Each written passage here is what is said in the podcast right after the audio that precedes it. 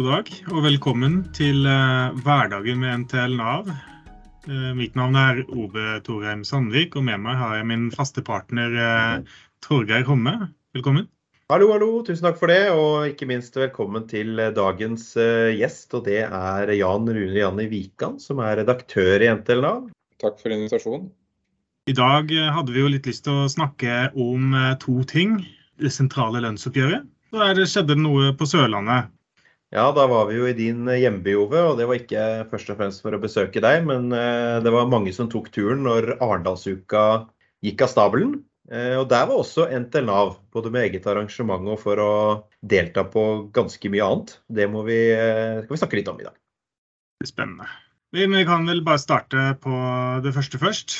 Det sentrale lønnsoppgjøret. Da hovedsakelig staten, for det er jo masse lønnsoppgjør som er i løpet av våren. Og det var et litt annerledes lønnsoppgjør i år. Eh, det var så mye rundt oss som eh, gjorde lønnsoppgjøret litt ekstra spennende. Eh, Unio de snakka om at de ville skifte avtale fra vårt Akademikernes avtale. Det hadde ny regjering. Hva hadde det å si for signalene og arbeidsgiverpolitikken? Krig i Europa. Hva blir prisveksten? Ekstra vanskelig å tippe på den. Så det er kanskje ekstra mye viktig å si om lønn i år. Janni, du, du, har sikkert reflektert en del rundt årets lønnsoppgjør? Har du en topp tre-liste f.eks. over eh, de viktigste tingene ved årets oppgjør? Jeg på å si jeg har en topp 33-liste, men det er kanskje litt uh, å jafse over det. Um, I tillegg til å være redaktør, så sitter jeg også i gruppe lønn i Landsforeninga, Nav. Um, så vi jobber jo mye med lønn og har på en måte Torgeir var inne på noe viktig her. Da, fordi at Rammene for lønnsoppgjør, eller alle lønnsoppgjørene i år, var jo Eh, litt annerledes eh, med situasjonen vi har rundt oss i verden, og, særlig da med prisstigninga innenlands, som uh, er med på å avgjøre hvordan vi skal ende opp hos oss. Frontfaget de endte jo på 3,7% en ramme på det. Og etter det så, så man at prisveksten passerte jo det nesten før de var ferdige å forhandle. Så det er klart at da ser man at oi, nå begynner vi allerede å, å tape reallønnsvekst, eller reallønn. da. Og Det er jo veldig gledelig for oss da, som er medlemmer i Perlo Stat sin avtale, når eh, man fikk sikra et sentralt tillegg til alle sammen. Um, og Det er jo, tenker jeg, viktig, og det er noe vi skal være veldig stolt av. For det var ikke gitt at det skulle bli sånn når vi starta. Det er kanskje det, det, viktigste for folk å få med seg, at vi har sikra at alle sammen minimum har fått 10 000 i bunn i det sentrale oppgjøret. Det har ikke de på Akademiker- og Unio-avtalen. Eh, nå er det sånn at De på lønnstrinn over 64 da, de har en prosentsats i stedet for 10 000, men det utgjør jo også minimum 10 000 kroner. Og så hadde vi også et sånn eh, likelønnstilsnitt. da. Men jeg har jo kikka litt på sammensetning av stillinger i staten og kvinners lønn versus menns lønn. Der førstekonsulenter har en stor overvekt eller overrepresentasjon av kvinner. Gjelder for så vidt også i Nav, ikke bare resten av staten. Og dermed så endte man opp med å gi et lønnstrinn til alle førstekonsulenter. Så det er ikke nødvendigvis eh, Noen oppfatter kanskje som en premiering av førstekonsulenter, men uh, førstekonsulentene ligger lavt i lønn generelt, og det er mange kvinner i den koden. Så det er også et likelønnsløft, eller likelønnstiltak, kan man si. Mm. Jeg eh, delte to momenter der. Er det noe tredje moment du hadde lyst til å fremme? Ja. Um, ifølge meg så er det 31 igjen, da, men Nei da. Vi kommer til å kutte Janni på det advarer allerede nå, så vi, så vi får se. Uh, ja, det har skjedd en stor endring, selvsagt, uh, med lønnssystemet. og det er At man går bort fra det som man tidligere kalte lønnsramma.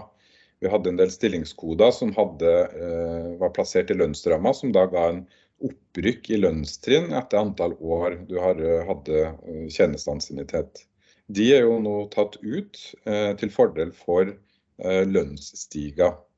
Så I praksis betyr det i stedet for å regne tjenestansiennitet, som er bygd opp av både eh, tidligere erfaring og etatserfaring og utdanning, til stillingsansiennitet, som da begynner å løpe fra den dagen du starter i en stilling da, med en, eh, en stillingskode som har lønnsstiga, for det er jo ikke alle som har det.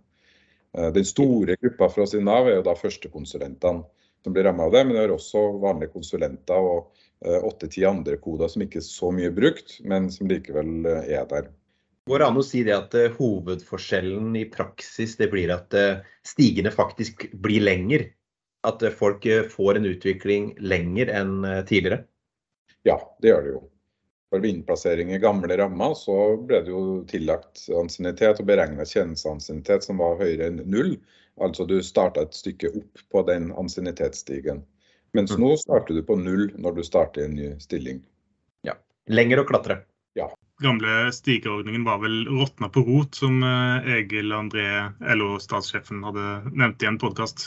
Det stemmer det. Og det er klart eh, det har vært, vært utfordrende å vedlikeholde det systemet i, eh, i mange av hovedoppgjørene på, ja, siden 2010, egentlig. Så har man funnet en, en, en, minnelig løsning, kan man si, litt kompromiss, da, der lønnsstiger vil ta hensyn for det her, og vil være bedre for de som starter i nye stillinger da, i staten. Mm. Du nevnte jo det at uh, førstekonsulentkoden, så, så, er det også sånn at det er en god del flere kvinner også i Nav. Sånn ellers, hvordan treffer det lønnsoppgjøret uh, oss i Nav? Går det an å si noe om det litt overordna? Altså, de sentrale tilleggene gjelder jo for alle. Det er ikke en hemmelighet, da, men gjennomsnittslønna i Nav er jo blant de laveste i hele staten. Så det er klart at uh, hvert sentralt tillegg vil jo hjelpe de på vår avtale. Men man kan jo si det sånn, de som da hvis vi snakker om Nav, da, så kan, må vi jo ikke glemme at vi har andre kollegaer også som eh, er organisert på andre plass, i andre organisasjoner. De vil jo da risikere å ikke få noe lønnstillegg i år, fordi alt skal forhandles lokalt på den andre avtalen. Mm. Sterk oppfordring i hvert fall til de som er uorganisert, å komme seg inn i en fagforening som, som kanskje ivaretar lønnsutvikling for alle sammen, f.eks. i NTL og LO Stat. Da. Ja, f.eks. Så lurer kanskje folk på når får vi penga? Når vi har forhandla lønn sentralt, så nevnte du det at alle, et, uh, alle, har fått et lønnstillegg på vår avtale. Og virkningstidspunktet det er jo tilbake i tid. Men de som har sjekka augustlønna si, de uh, har jo ikke sett at uh, det var så stor forskjell. Så når er det vi får den etterbetalinga og kan se det lønnstillegget vi har fått? Ja, det jeg kan si først da, om virkningstidspunkt, det er jo at i år så har vi virkningstidspunkt både for sentrale og lokale forhandlinger fra 1. mai. Tidligere så har gjerne virkningstidspunktet for lokale forhandlinger vært uh, Også er det når man kan forvente å få lønn. Nå er det sånn at uh, Kommunal- og distriktsdepartementet har gitt instruks til virksomhetene om å ikke iverksette A-tabellen. Dvs. Si da per definisjon å etterutbetale før de er sikre på at folk er på riktig avtale. Og Det er en mm. formidabel jobb i veldig mange virksomheter. Det har også vært en, en stor jobb i Nav eh, om å flytte da folk som er medlemmer i under Unio hovedsammenslutninga over til eh, Unio akademikeravtalen. Der kan jeg jo avsløre at vi eh, er så å si i mål. Så Arbeidsgiver har jo håp om å få gjort det her så snart som mulig. Kanskje allerede nå på septemberlønna. Så de sentrale tilleggene kan vi jo forvente da å få i september. Eh, skulle ikke det lykkes, så tenker vi at oktober i hvert fall er realistisk. Og så har vi også veldig lokale forhandlinger som vi skal gjøre på etatsnivå. De eh, har jo også har jo hatt forberedende møter og, og, planlagt litt. Og det som tar tid, er jo å plassere folk inn i det nye lønnssystemet. Det er omfattende. Det omfatter anslagsvis et sted mellom 3000 og 4000 mennesker som er ansatte, som må vurderes hvor de skal plasseres inn. Enten i lønnsstiga, eller om de skal ha kompensasjonsregler fordi de ikke har igjen lønns- eh, eller stillingsansiennitet. Eh, og den jobben her eh, ønsker arbeidsgiver å få på plass, eller partene blitt enige om at det skal være på plass da, før vi forhandler lokalt på etatsnivå. Ja, og der sier du jo noe. Lokale forhandlinger, da tenker folk da skal vi vel forhandle på vår arbeidsplass. Men det er jo litt uh, artig. Det er lokale forhandlinger, det er også på virksomhetsnivå. Men det kan jo da bli enighet der om å delegere det til driftsenhetsnivå, og at man forhandler i det enkelte fylket f.eks. Uh, nå er vi jo liksom ikke kommet så langt der, da. Og det er kanskje utfordrende å informere om det som skal skje i lokale forhandlinger i år, når vi er midt i det. Men hva, hva kan du si om det som uh, skal skje i, i Nav med lokale lønnsforhandlinger? Ja, eh, vi har jo satt av forhandlingsdato 30.9. Eh, for da skal arbeidsgiver ferdig med den jobben med å innplassere, sånn at vi har et eh, sikkert grunnlag å gå ut ifra. Hva som blir utveksla av krav og hva som skjer i forhandlingene, er jo ikke noe vi går ut med før resultatet er på plass og en protokoll foreligger. Så det er ikke så mye å si noe om. Men de sentrale partene har jo eh, sagt noe om at vi skal eh, sjekke såkalt utilsikta virkninger av det nye lønnssystemet. Og så oppstår det ting i Nav nå som, som gjør at det skurrer litt, fordi noen kommer inn i lønnsstiga, noen kommer ikke inn i lønnsstiga. Vil det bli noen forskjellsbehandlinger som vi ikke har tenkt på? Det er noe vi skal eh, se på eh, på etatsnivå, og som blir en del av forhandlingsbildet. da. Ja, For dette avhenger jo av hva arbeidsgiver og alle de forskjellige partene mener er utilsikta konsekvenser, og hva som er mer tilsikta konsekvenser. En ting det går an å tenke litt rundt, da i hvert fall, det er jo at i Nav så har vi veldig forskjellig eh, bruk av kodene ut fra hvor i landet du jobber. Eh, noen f.eks. fylker har nesten ingen førstekonsulenter, eh, men har rådgivere som da gjør helt det samme egentlig som førstekonsulenter andre steder i landet. Temaet som du tar opp her, eh, vil jo selvfølgelig bli et tema på, eh, mellom de lokale partene i Nav. da. Eh, det er helt klart. Hvordan vi skal håndtere det, blir jo en annen side av saken. Og så er det jo sånn at det er høy kvinneandel der. Det er for vår del, førstekonsulenter, den koden er det høy ansiennitet i for veldig mange. Og det er overvekt av kvinner. Så det er jo noe om å ikke motvirke det som de sentrale partene har fått til å virke. Uh, samtidig som vi skal prøve hensyn til alle. Så noen ting vil jo kunne være utilsikta virkninger da, av et nytt lønnssystem. Mens noe er resultatet av rene forhandlinger. Altså en konkret tiltak i de sentrale forhandlingene som kanskje ikke faller inn under det. da. Du snakka om delegering, og er det en ting vi har blitt enige om, er at vi ønsker å delegere alle partene på vår avtale har blitt enige om at vi ønsker å delegere ut til driftsenhetene. Ehm, og driftsenheter er jo da f.eks. Nav arbeid og ytelser, det kan være Nav Trøndelag, ehm, Nav familie- og pensjonsytelser, Nav Vestland f.eks. Det er driftsenhetene. Så at det blir en delegering, det har vi blitt enige om. Det kan hende vi får tatt en del av eh, de utilsikta konsekvensene på etatsnivå. Og da har man på en måte reparert det, og man ikke trenger å gjøre det på delegert nivå. Men her blir det jo litt, som du er inne på, det er stor forskjell på hvordan man bruker stillingskoder. og i Nav så er det ikke å legge skjul på at det er stor forskjell på å bruke førstekonsulenter versus rådgivere. Så det er helt klart et tema hos oss, og det blir helt sikkert et tema også eh, på delegert nivå da, i driftsenhetene. I neste episode så kan vi vel allerede si nå at vi skal snakke mer om dette. Og da kan vi komme tilbake til hvordan det her faktisk blei, og prøve å forklare det litt mer når vi har eh, fakta på bordet. Ja. Forutsatt at de har kommet i mål. Ja, det er jo alt på å si, um, Hvis vi bare skal synse litt om tidsperspektivet her, da, så er det jo sånn at uh, KDD, da, som mottar søknader om utsettelse, har fått ganske mange av de. Sånn at partene ble tidligere i uka her enige om at Eh, den generelle fristen for lønnsforhandlinger utsettes til 30.11. Den var opprinnelig 31.10. Da har, jo, har, vi en ekstra måned, og det skulle bare mangle, for vi vet hvor hektisk det er å ha lønnsforhandlinger i et normalår, for å si det sånn. Det blir ikke noe mindre hektisk eh, i år. Vi har jo da forhandling 30.9. hos oss. Eh, skulle vi bli enige, så har vi kanskje en protokoll klar allerede i begynnelsen av oktober. Men det kan jo skje at partene ikke blir enige på etatsnivå heller. og da kan hende at vi må gå til Statens lønnsutvalg. Og det kan jo ta litt tid før de tar sin avgjørelse. Alt henger fortsatt litt i lufta, for å si det enkelt. To be continued.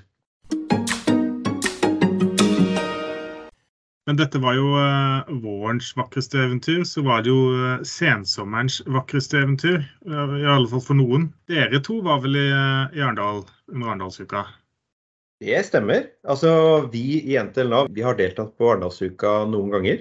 Det er vanvittig mange arrangementer om arbeid, velferd innenfor vårt område der. Veldig mye av det våre medlemmer eh, jobber med, det er eh, til debatt. Det er viktig å vite hva politikere, og ikke minst arbeidsgiver, da, sier om Nav, om eh, framtida. Vår arbeidsgivermotpart deltar jo på veldig mange arrangementer.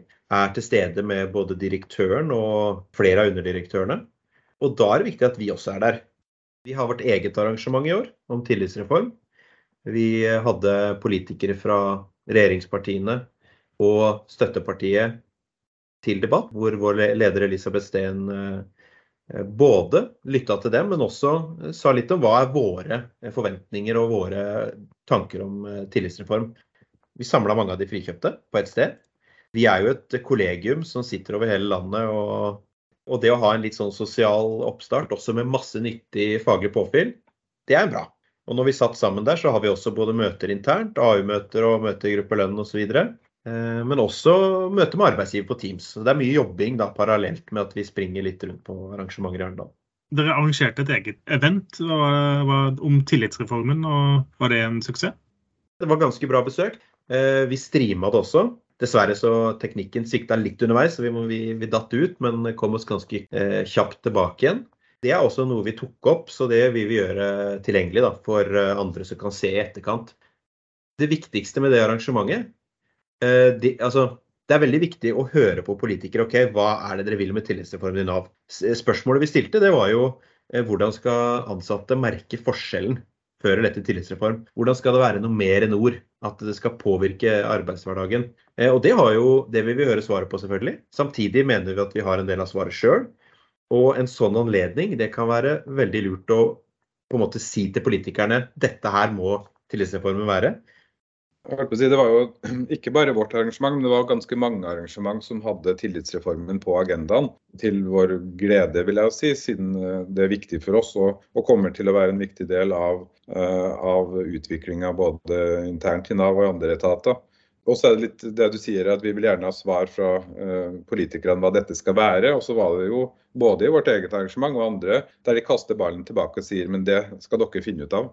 Det er jeg glad for, fordi medbestemmelse, medvirkning, er jo noe av det som er basisen i en tillitsreform. Noe av bakgrunnen for at vi hele tatt fra fagbevegelsen har uh, reist det, det ønsket om å ha en tillitsreform.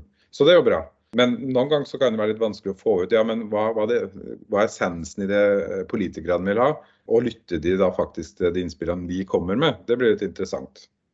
Ja, Det er nettopp det. fordi at uh, Når jeg sier at det er viktig at vi forteller våre forventninger, så er det nettopp det at uh, de spiller ballen tilbake til oss. Og når de ikke helt vet hva det skal være, så er det jo veldig mange andre som prøver å vri det litt til å være det de ønsker. Og da er det viktig at vi også er på banen og sier tydelig fra hva vi tenker at det skal være. Essensen i tillitsreformen, hvis du leser Hurdalsplattformen, det er tillit til de ansatte. Og gi de ansatte tid og faglig frihet til å eh, gi brukerne bedre tjenester. Så den må vi ikke glippe, og da er det viktig at vi er tydelige. Jeg vil jo si Fra våren og fram til høsten, da, kanskje fram til Arendalsuka, så har, eh, har, man kanskje fått vridd det litt da, til at ja, Det dreier seg ikke om at eh, innbyggerne i Norge skal ha tillit til statlige virksomheter. Det handler om at man skal ha tillit til de ansatte. Og Det syns jeg vi får stadig tydeligere signaler om nå da fra politikere, fra regjeringa, men også til dels fra arbeidsgiversida. Eh, vi har jo så vidt eh, starta opp også i Nav med det her, med tillitsreformen. Det vet jo kanskje du mer om da, Torgeir, selvfølgelig. Men, men jeg tenker det er viktig at vi holder den fanen høyt. da at det er tilliten til de ansatte som er kjernen i det her for å få en tillitsreform til å funke. En av de tinga vi nå blir møtt med, er jo at uh, tillitsreformen det handler om at brukerne skal ha tillit til Nav. Og det er jo en ting som vi ikke kan være imot. Samtidig så er det sånn at for det første så tenker jeg at de ansatte, våre medlemmer som jobber med brukerkontakt, de har tillit til bruker. Det er ikke sånn at det har de absolutt ikke, og derfor må vi reformere det. Nei, de har tillit innenfor de rammene de, vi må forholde oss til. Og det er vel ikke sånn at uh, altså Hvis politikerne nå plutselig har sagt at nei, nå skal velferdsstaten være tillitsbasert, vi slutter med inngangsvilkår f.eks., ja vel. Da, da ville vi jo måtte forholde oss til det, men jeg tror ikke akkurat det er på trappene. Nei, vi har tillit til bruker innenfor de rammene politikerne setter. Det tillitsreformen er, og som står veldig tydelig i tildelingsbrev og i Hurdalsplattform, det er at brukerne skal få bedre tjenester. Ja, vi gjør jo ikke det for oss sjøl her, vi gjør det for å, at Nav skal fungere bedre. Så brukerne skal få bedre tjenester ved at ansatte får tid og tillit til å hjelpe dem eh, ut fra det de sjøl vurderer at er riktig. for å si det sånn. Så det er, det er de ansatte som skal ha tillit, eh, og det må vi faktisk eh, minne, minne om litt eh, innimellom. Jeg bruker å ha et sånt eh, bilde på, si, på det her, og det er vaffel, eh, vaffelrøre og vafler. Vi har fått beskjed om at vi skal eh, gjøre noe med måten vi lager vaffelrøra på, og, og hvordan den blir sammensatt. Mens andre er mer opptatt av hvordan den blir solgt, eller hva slags uh, syltetøy vi bruker på den, og mener at det er viktig. Uh, og så er det sånn, ja, Hvis vi lykkes med vaffelrøra, så blir det bra vafler. Og da, da, kan du ha det syltetøyet du vil ha på, for å si det enkelt. Men hvis du begynner å fokusere på syltetøyet du skal oppå vafler, da glemmer du liksom hva det egentlig var vi holdt på med, å lage vaffelrøre. Ja, fin metafor der, altså. Jeg tror det var fine siste ord om eh, tillitsreformen som er et viktig tema som vi kommer til å jobbe eh, mye eh, og snakke mye om i fremtiden. Men eh, jeg lurte litt på om det var noe annet i Arendalsuka som eh, var interessant? Dette her med framtidens arbeidsliv har jo vært tema på Arendalsuka eh, alltid, antageligvis. Det er hvordan framtiden alltid er foran oss. Ja, det har noe med det å gjøre, antageligvis. Ja. Og det skal vi ikke kimse av. Det er greit å ha gode og kvalifiserte tanker om framtida, men det er mye vi ikke kan vite. da. Jeg tar noen studier ved siden av, eh, av, jobben, og der har vi nettopp gått gjennom litt uh, hvordan man så for seg ting skulle bli i 2020, på, tidlig på 2000-tallet. Og der har man jo bomma ganske grovt på mange områder. Um, der ting skulle ha blitt digitalisert, effektivisert på måter som ja, som, som ser, høres ut som en futuristisk science fiction-film. Så det er interessant. Men, men, det er veldig mange aspekter som må komme inn i dette med framtidens arbeidsliv nå. Da. Ikke minst uh, mobiliteten vi har. Uh, den hybride arbeidshverdagen der vi jobber stadig mer hjemmefra eller ikke på et kontor f.eks. Eh, hva gjør det med lojaliteten til arbeidsgiver? Hva gjør det med vår tilhørighet som ansatte? Hvordan blir kompetansedelinga? Når vi ikke er på arbeidsplassen f.eks., eller ja, sånne type ting.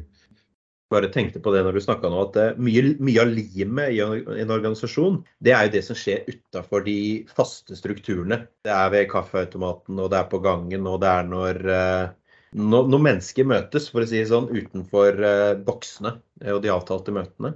Og det er klart det, det kommer til å ha noe å si på hvordan organisasjoner og arbeidsplasser er framover. Altså akkurat hvordan vi løser det der fordi arbeidslivet andre, endrer seg, så må jo også vår jobb i Nav endres, som driver med arbeidsformidling og, um, og skal prøve å få folk til å få fast fotfeste i, i, i faste jobber.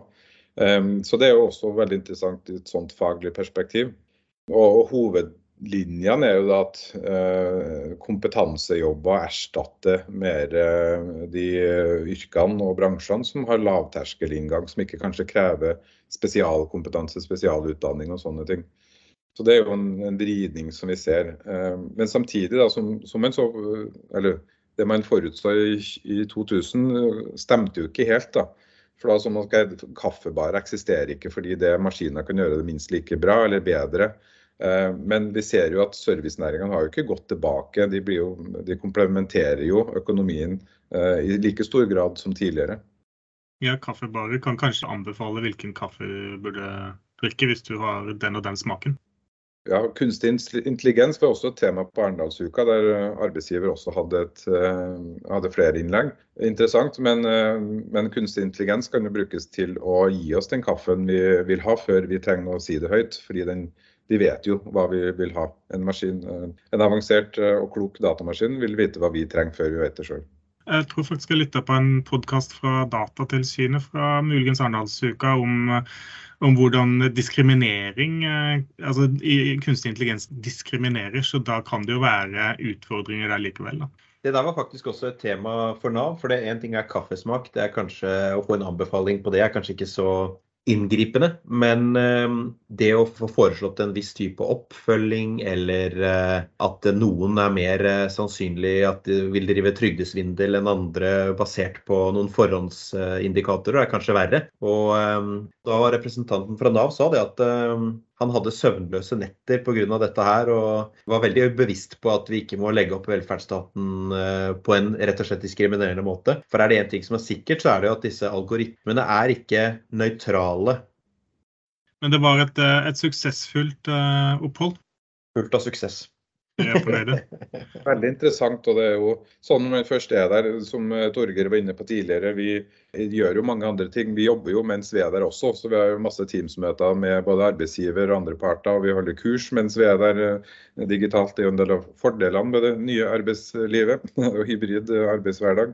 Eh, vi deltok nok på en, ja, bortimot 60 arrangement i hvert fall i løpet av uka som er veldig bra. Og det viktigste var jo de prioriteringene med å være til stede der det er Nav-relaterte ting, der det er fagforeningsting, og ting som vi er opptatt av da igjen til Nav. Ikke sant.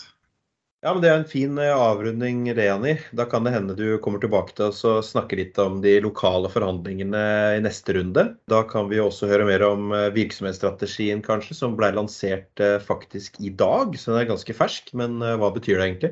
Det kan være spennende. Men Janni, avslutningsvis, du har jo ikke vært en gjest på podden vår før, så vi har jo stilt våre gjester et spørsmål. Hvordan ble du medlem i NTL? Jo, det var så enkelt som at eh, den lokale plasstillitsvalgte kom og spurte om jeg var organisert eller ikke. Så det tok eh, ja, to minutter til, eh, fra hun spurte til jeg var medlem i NTL. Ja, Hvorfor valgte du NTL da? Var det bare fordi at de spurte først, og så blei du enig med oss etterpå?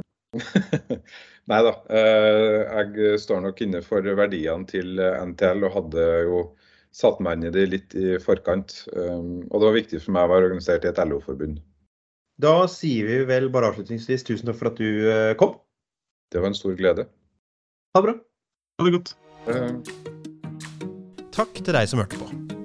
Hvis du har spørsmål eller kommentarer, ris eller ros, så er vi veldig takknemlige om du sender en e-post til torgeir.homme alfakrøll nav.no.